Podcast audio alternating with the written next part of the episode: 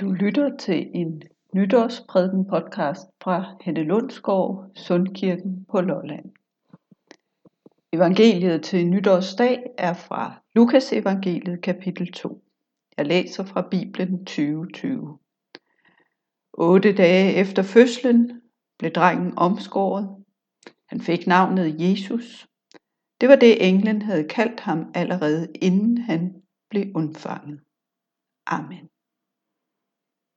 så kan det ikke blive kortere. Ved nytårstid i dette skældsættende årsskifte er det kun disse få sætninger, som er omdrejningspunkt for evangeliet. På 8. dagen blev Jesus omskåret og fik sit navn, sådan som det var bestemt på forhånd. Jesus var jøde, og det der skete var altså helt efter traditionen. Han blev navngivet efter jødisk skik. Med julens budskab om den fantastiske nyhed, som barnets fødsel og frelserens komme er, så kunne man tro, at fortiden og historien ikke længere skulle regnes med. Man kunne tro, at den streg, der blev trukket i sandet, ville være så epokegørende, at ingen så sig tilbage. Men sådan var det altså ikke. Jesu fødsel var en del af historien og har hele forhistorien med sig. Frelseshistorien er ikke et punktnedslag i verden, men en del af en lang række af begivenheder. Kontinuiteten har betydning. Når vi nu står midt i årsskiftet mellem 2020 og 2021, der er vi også en del af både tradition og kontinuitet. Nytåret i år føles på mange måder mere skældsættende end mange af de årsskifter, som er gået forud. 2020 har været et helt specielt år. Et år, som ingen i sin vildeste fantasi havde forestillet sig sidst, da det var nytår.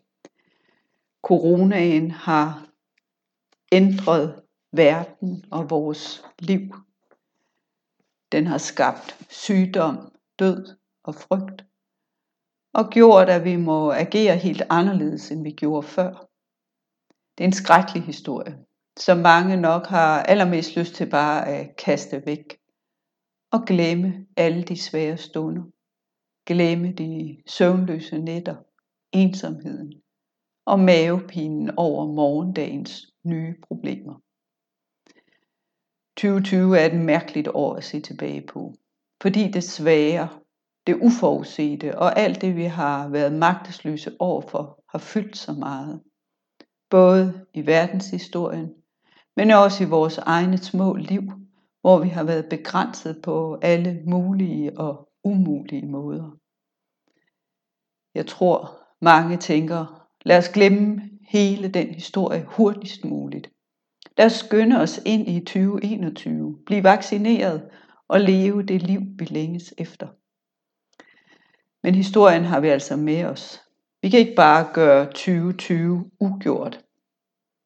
Erfaringerne, frygten, bekymringerne og afsavnene er nu blevet en del af vores allesammens historie. For hver enkelt af os har det haft betydning. Ingen er upåvirket af afstanden og begrænsningerne. Og det er ikke slut endnu, bare fordi vi skriver 2021. Det gode gamle liv vender ikke sådan lige tilbage. Problemerne fra 2020 er en del af den historie, vi har med os. Men der er også andet at sige om det, der er sket. Det er måske på sin plads at få det frem og minde hinanden om det. Hvad har været positivt ved 2020 og det forandrede liv? For mig har det været mere ro og mindre stress. Mere samvær med de nærmeste mere natur og udeliv, og mere bøn og salmesang. Som præst har jeg haft fokus på kerneopgaverne, gudstjenester og kirkelige handlinger og fællesskabet omkring det. Det har været nødvendigt at tænke over, hvad der er det allervigtigste og allermest uopgivelige. Det er fællesskabet om evangeliet og Guds nærværet i verden. Jeg håber, jeg og vi fortsat kan holde fokus på det vigtigste. både i privatlivet, i arbejdslivet og ikke mindst i kirkelivet. Og selvom der har været og stadig er meget, vi ikke er herre over, så håber jeg meget, at jeg og vi, når vi vender tilbage til noget mere normalt, ikke bare har skrottet coronahistorien, men rent faktisk kan bruge vores erfaringer til at gøre livet bedre for hinanden. Det er nok et fromt håb. Men hvis ikke vi skal komme med fromme håb ved nytårstid, så ved jeg ikke, hvornår vi skal gøre det. Nytårsevangeliet handler om, at Jesus også havde historien, forhistorien med sig, da han blev navngivet. Hans fødsel var en del af noget større. Det var epokegørende i frelseshistorien, at Jesus blev født som Guds søn i verden. Det foregår midt i historien, også midt i vores historie.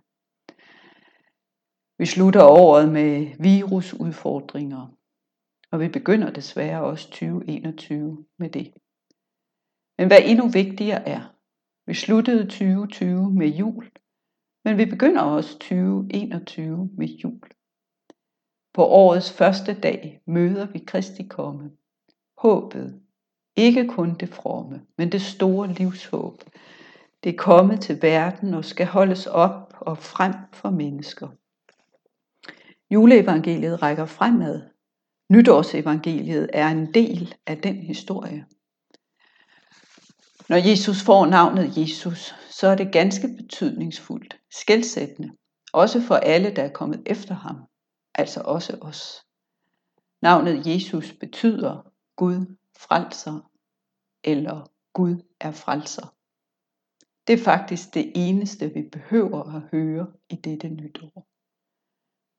For det er i allerhøjeste grad et vigtigt budskab.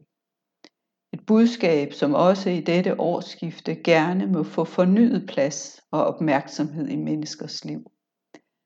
Gud giver afkald på vrede og dom for at frelse os med kærlighed og nærvær. I 2020 har vi oplevet vores egen magtesløshed. Hvis ikke vi var klar over det, har vi tydeligt mærket, at det ikke er os selv, der styrer verdens gang. Vi kan ikke frelse verden, og ikke frelse os selv. Skåret helt ind til benet, så er det kun Gud, der kan frelse os. Det håb er både individuelt og kollektivt. Håbet skal være fortegn for livet og året, også for 2021. Vi trænger til håb. Vi trænger til Gud. At hans frelse bliver åbenbar. At vi kan se, mærke, høre, at frelserens komme er en afgørende skældsættende begivenhed. Han lever i os, vi lever i ham. Ikke kun i forhistorien, men også i vores nu og her. Vi står over for et ukendt, fremmed, uoverskueligt år. Men i dag tager Gud os i hånden og lover at gå med os ind i det nye års ukendte dage. Heldigvis, for det har vi brug for med ønsket om et velsignet nytår i Jesu navn. Amen. Lad os bede. Hvor Gud og Far, der er mange ting, vi har brug for. Mad at spise, luft at ånde i, huse at bo i, mennesker at leve med, mening i dagligdagen og håb for fremtiden. Vi beder dig, giv os, hvad vi har brug for for du kender os og ved, hvad vi trænger til. Vi har brug for dig. Vær hos os i vores liv, i de dage, som ligger foran os. Tak for det nye år. Hjælp os til at bevare håbet og troen. Lad os ikke lægge planer uden dig. Vi beder dig, Gud, for vores familie og vores venner, dem vi kender og holder af. Pas på dem, så der ikke sker dem noget ondt. Vi beder også for dem, vi ikke kender, og dem, der savner venner. Lad ingen sidde alene, som ikke ønsker det. Vi beder for alle, der er ramt af sygdom og død. Alle, som ikke har det godt i disse dage. Giv lindring og helbredelse, og giv gode kræfter til alle, der arbejder hårdt for at hjælpe dem, der lider. Vi beder for alle med magt og ansvar. Giv dem mod og ydmyghed i deres opgaver. Vi beder for kirken, hvor end vi er, rundt i landet, i stuerne, overalt på kloden. Lad os stå sammen i bøn for verden. Fader vor, du som er i himlene, helliget blive dit navn, komme dit rige. Ske din vilje som i himlen, således også på jorden. Giv os i dag vores daglige brød, og forlad os vores skyld, som også vi forlader vores skyldnere. Led os ikke ind i fristelse, men fri os fra det onde, for dit er riget og magten og æren i evighed. Amen.